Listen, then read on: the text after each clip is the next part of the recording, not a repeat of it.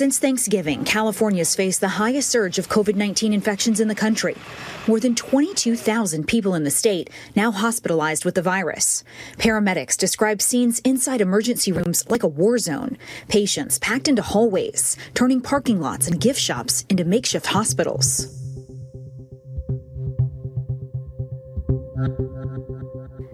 Vi har inga platser kvar. Vi måste avvisa patienter. Vi klarar snart inte mer. Larmet kommer från ett sjukhus i Kalifornien, den amerikanska delstaten där coronasmittan fullkomligen exploderat senaste tiden. Efter en redan ansträngd höst har helgerna Thanksgiving, jul och nyår inneburit en eskalerande situation med dagliga rekord över inlagda och döda.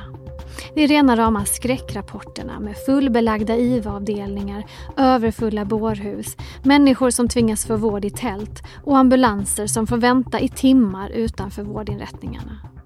För invånarna i Kalifornien gäller nu total lockdown i ett nytt försök att dämpa smittan och få ner siffrorna. Hur är det att bo på en av de just nu mest coronautsatta platserna i världen? Det ska vi få veta i dagens Aftonbladet Daily. Vi ska prata med Aftonbladets korrespondent Magnus Sundholm som har bott i Los Angeles i 29 år och som nu tillsammans med alla andra invånare genomlever en oerhört tuff andra våg. Han ska börja med att berätta mer om hur situationen ser ut i Kalifornien.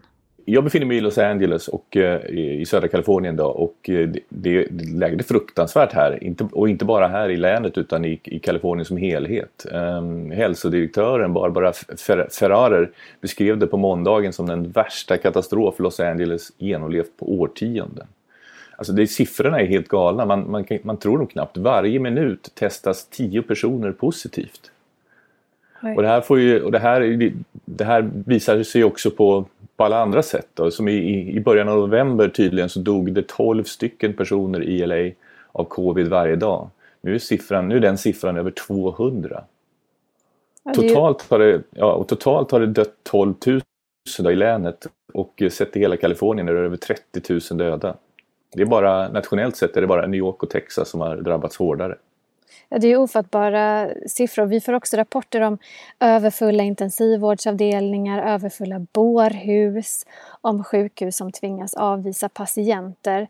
Hur ansträngd är sjukvården? Ja, det du har hört, är ju alltså, eller det ni hör är ju ingen eh, överdrift. Det är verkligen så illa. Alltså, sjukvården är extremt, extremt ansträngd. Ehm, det sägs att eh, just nu då, Totalt i länet så vårdas 8000 för covid på sjukhus, eller strax under är det. Um, siffran har tack och lov stabiliserats nyligen de sista dagarna men det beror tyvärr inte på, tror man i alla fall, tyvärr inte på att, att man får under kontroll utan på att eh, rapporteringen för storhelgerna inte hunnit ifatt än.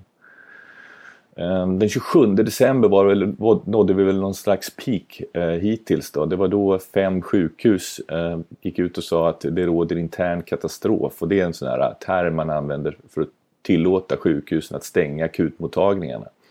Man, då, då, kan man alltså, då kan man alltså säga åt ambulanserna som kommer att inte, att inte ens köra in på området, att det inte är någon idé. Man tar inte emot några. Mm. Och just nu då så finns det inte ens 50 IVA-platser lediga eh, och det i den här regionen med 10 miljoner personer. Oj, oj. Ni har ju levt med ett växelvis stängt samhälle i Kalifornien sedan pandemin bröt ut. Nu när det är den här typen av katastrofläge, vad har ni för typ av restriktioner nu? Ja, vi har inte liksom nått de här spanska och italienska nivåerna när man inte får göra någonting. Men, men det, är alltså, det råder ju lockdown och eh, rätt mycket total lockdown tycker jag. Alltså allt är ju stängt då, från biografer till gym till bibliotek och ja, allt du kan tänka dig på, på så sätt. Då. Um, Skolor? Inte ens, inte ens, ja, skolor. Inte ens uteserveringarna får vara öppna. Alltså det är bara de nödvändigaste branscherna som får hålla öppna. Så det är mataffärer och eh, sjukhus, apotek och, och lite sådana grejer. Um, så att, uh, hur ja. ser det ut när ni till exempel då ska handla mat? Hur, hur gör man då? Nej, det går, alltså man, vi går ju till våra mataffärer och så och eh, det är ju för det mesta inga problem. På, på eftermiddagarna, alltså vid rusningstid och eh, på, på lördag eftermiddagarna så kan det, kan det bli stopp och då får man stå i kö utanför. Då. De släpper ju bara in de, just nu är väl siffran att det ska vara 25% av normal kapacitet. Då. Mm. Så det är väldigt glest inne i butikerna. Och, och det var väl senast i lördag som jag stod i kö för att, för att få handla mat. Vad innebär annars de här restriktionerna för dig och dina närmaste, din familj? Hur lever ni i vardagen? Hur ser den ut? Ja, jag brukar, brukar likna min vardag typ, vid den här filmen Groundhog Day när allting bara börjar om hela tiden. Det är liksom, vi lever i en bubbla känns det som. Vi, vi träffar knappt någon. Och om vi möter bekanta så möts vi utomhus på, något sätt. Um, och tack och lov så går det ju bra i det här klimatet då, men det blir ju extremt, extremt uh, isolerat. Man sköter jobbet hem, hemifrån. I stort sett går vi bara ut för att handla eller träna. Det är, dagarna är liksom sjukt lika varandra. Det, det, händer, det händer väldigt lite. Vad får ni för typ av information från myndigheterna om läget i delstaten? Det som är jobbigt med det som pågår är att liksom, vi får inte veta vi får inte veta något slut på det här. Liksom. Och det, det, är klart att det går ju inte när ingen vet hur, hur, hur, vi ska få bukt med pandemin eller när vi kan få bukt med det. Men, eh, men det myndigheterna säger nu då och motiverar nedstängningen med att det måste vara så här till kurvan går ner och att det är situationen på sjukhusen som avgör. Det är alltså när IVA-platserna faller under en viss procentnivå då skruvar myndigheterna åt tumskruvarna och det är det man har gjort nu då. Eh, Tydligen finns det en plan nu då. Det kom, ett besked om det tror jag i förrgår eller om det var igår. Ehm, att man har vidtagit åtgärder för ifall man måste börja välja bort patienter och hur det utvalet i så fall ska gå tillväga. Ja, jag tänker om det bara finns 50 IVA-platser kvar. Vad har man för, liksom, vad har man för plan B då eh, nu när antalet inlagda ändå ökar hela tiden? Ja, det, det, det, det här är intressant. Då. Myndigheterna räknar med att man inte ska stå utan platser och att det finns sjukhus ute på landet på vissa ställen som har IVA-platser. Men problemet med det och den metoden är ju det att folk som är riktigt sjuka klarar inte en transport på två timmar i ambulans eller längre. Så att det här är rätt kontroversiellt. I våras så hade vi ju, fanns det ju fartygssjukhus och så som låg på plats då. Men då kom inte den kraftiga vågen som man hade räknat med så de, de finns inte kvar. Mm. Så att jag tror att man, eh, jag tror att man brottas eh, ordentligt med hur man ska tackla det här nu om det blir ännu värre. I USA pågår ju vaccinering mot covid-19 precis som i många andra delar av världen. Och även om det sker då lite långsammare takt än många kanske hade tänkt sig. Finns det någon, så hur går det för Kalifornien där vad, vad gäller vaccinet? Hur, skyndsamt, eh, hur skyndsam är den processen? Ja, vaccineringen har ju rullat, eh, rullat ut här förstås. Um, I början så gick det ju som man kan tänka sig att det går i USA med den här amerikanska byråkratin. Um, vaccineringen skulle då först gå till sjukvårdspersonalen. Och man mejlade ut eh, information om vart man skulle vänja sig och vilken länk man skulle trycka på. Problemet var då att sjukvårdspersonalen delade de här mejlen med släkt och vänner. Och eh, de första två dagarna kollade ingen någon yrkeslegitimation så massor med folk dök upp och blev vaccinerade vilket kanske är bra men det gick liksom inte dit det skulle.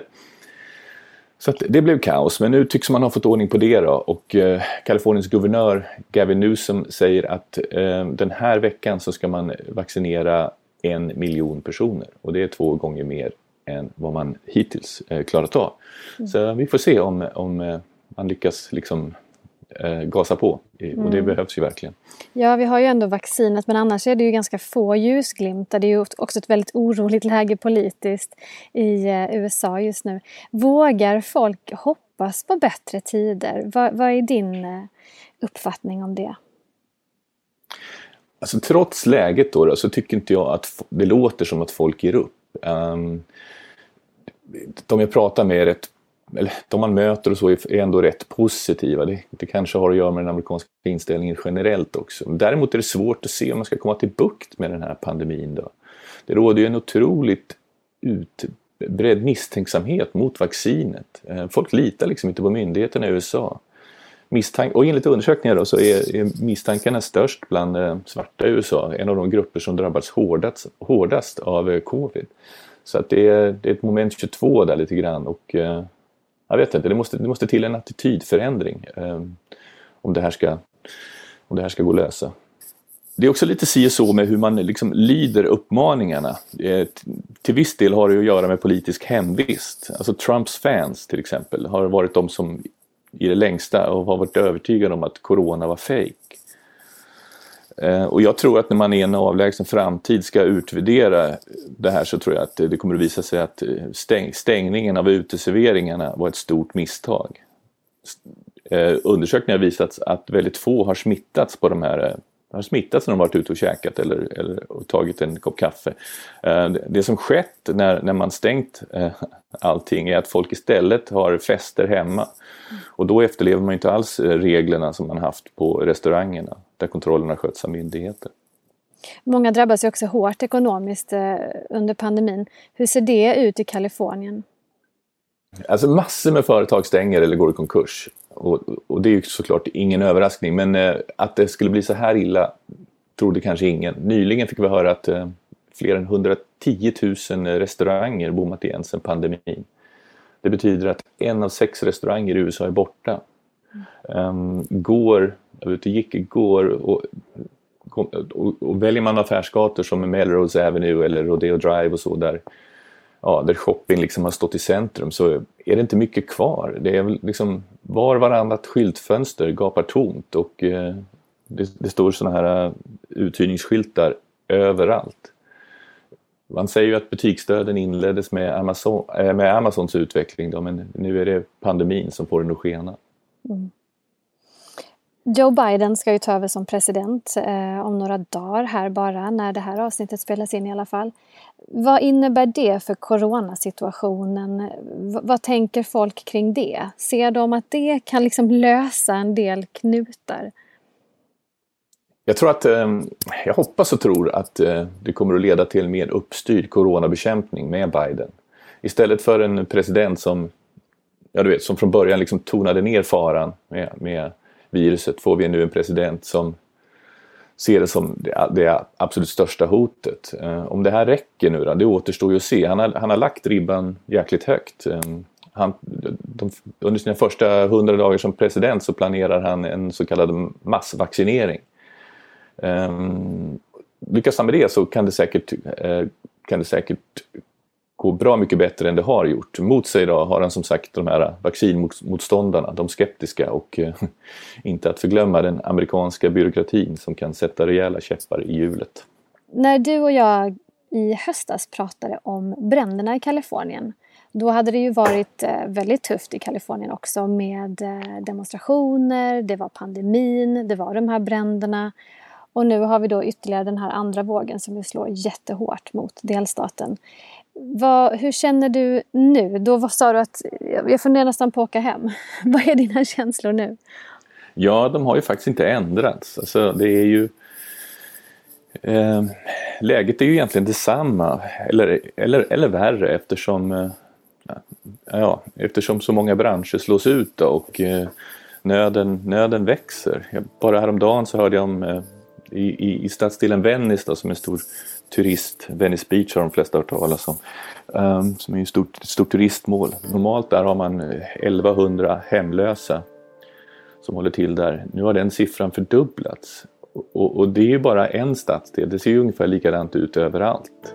Och uh, jag vet inte, så, samtidigt så får vi rapporter om eh, att de välbärgade flyr Kalifornien för de har tröttnat och, och väljer andra stater och så. Och jag vet inte, det är det är rejäla utmaningar i alla fall som, som väntar Kalifornien. Även om man lyckas eh, få bukt med pandemin. Sist här hörde vi Magnus Sundholm som är Aftonbladets korrespondent i Kalifornien. Jag heter Olivia Svensson och du har ju lyssnat på Aftonbladet Daily. Podden som kommer med nya avsnitt måndag till fredag och som eh, förstås också går att lyssna på när du vill i din poddspelare. På återhörande alltså. Hej då.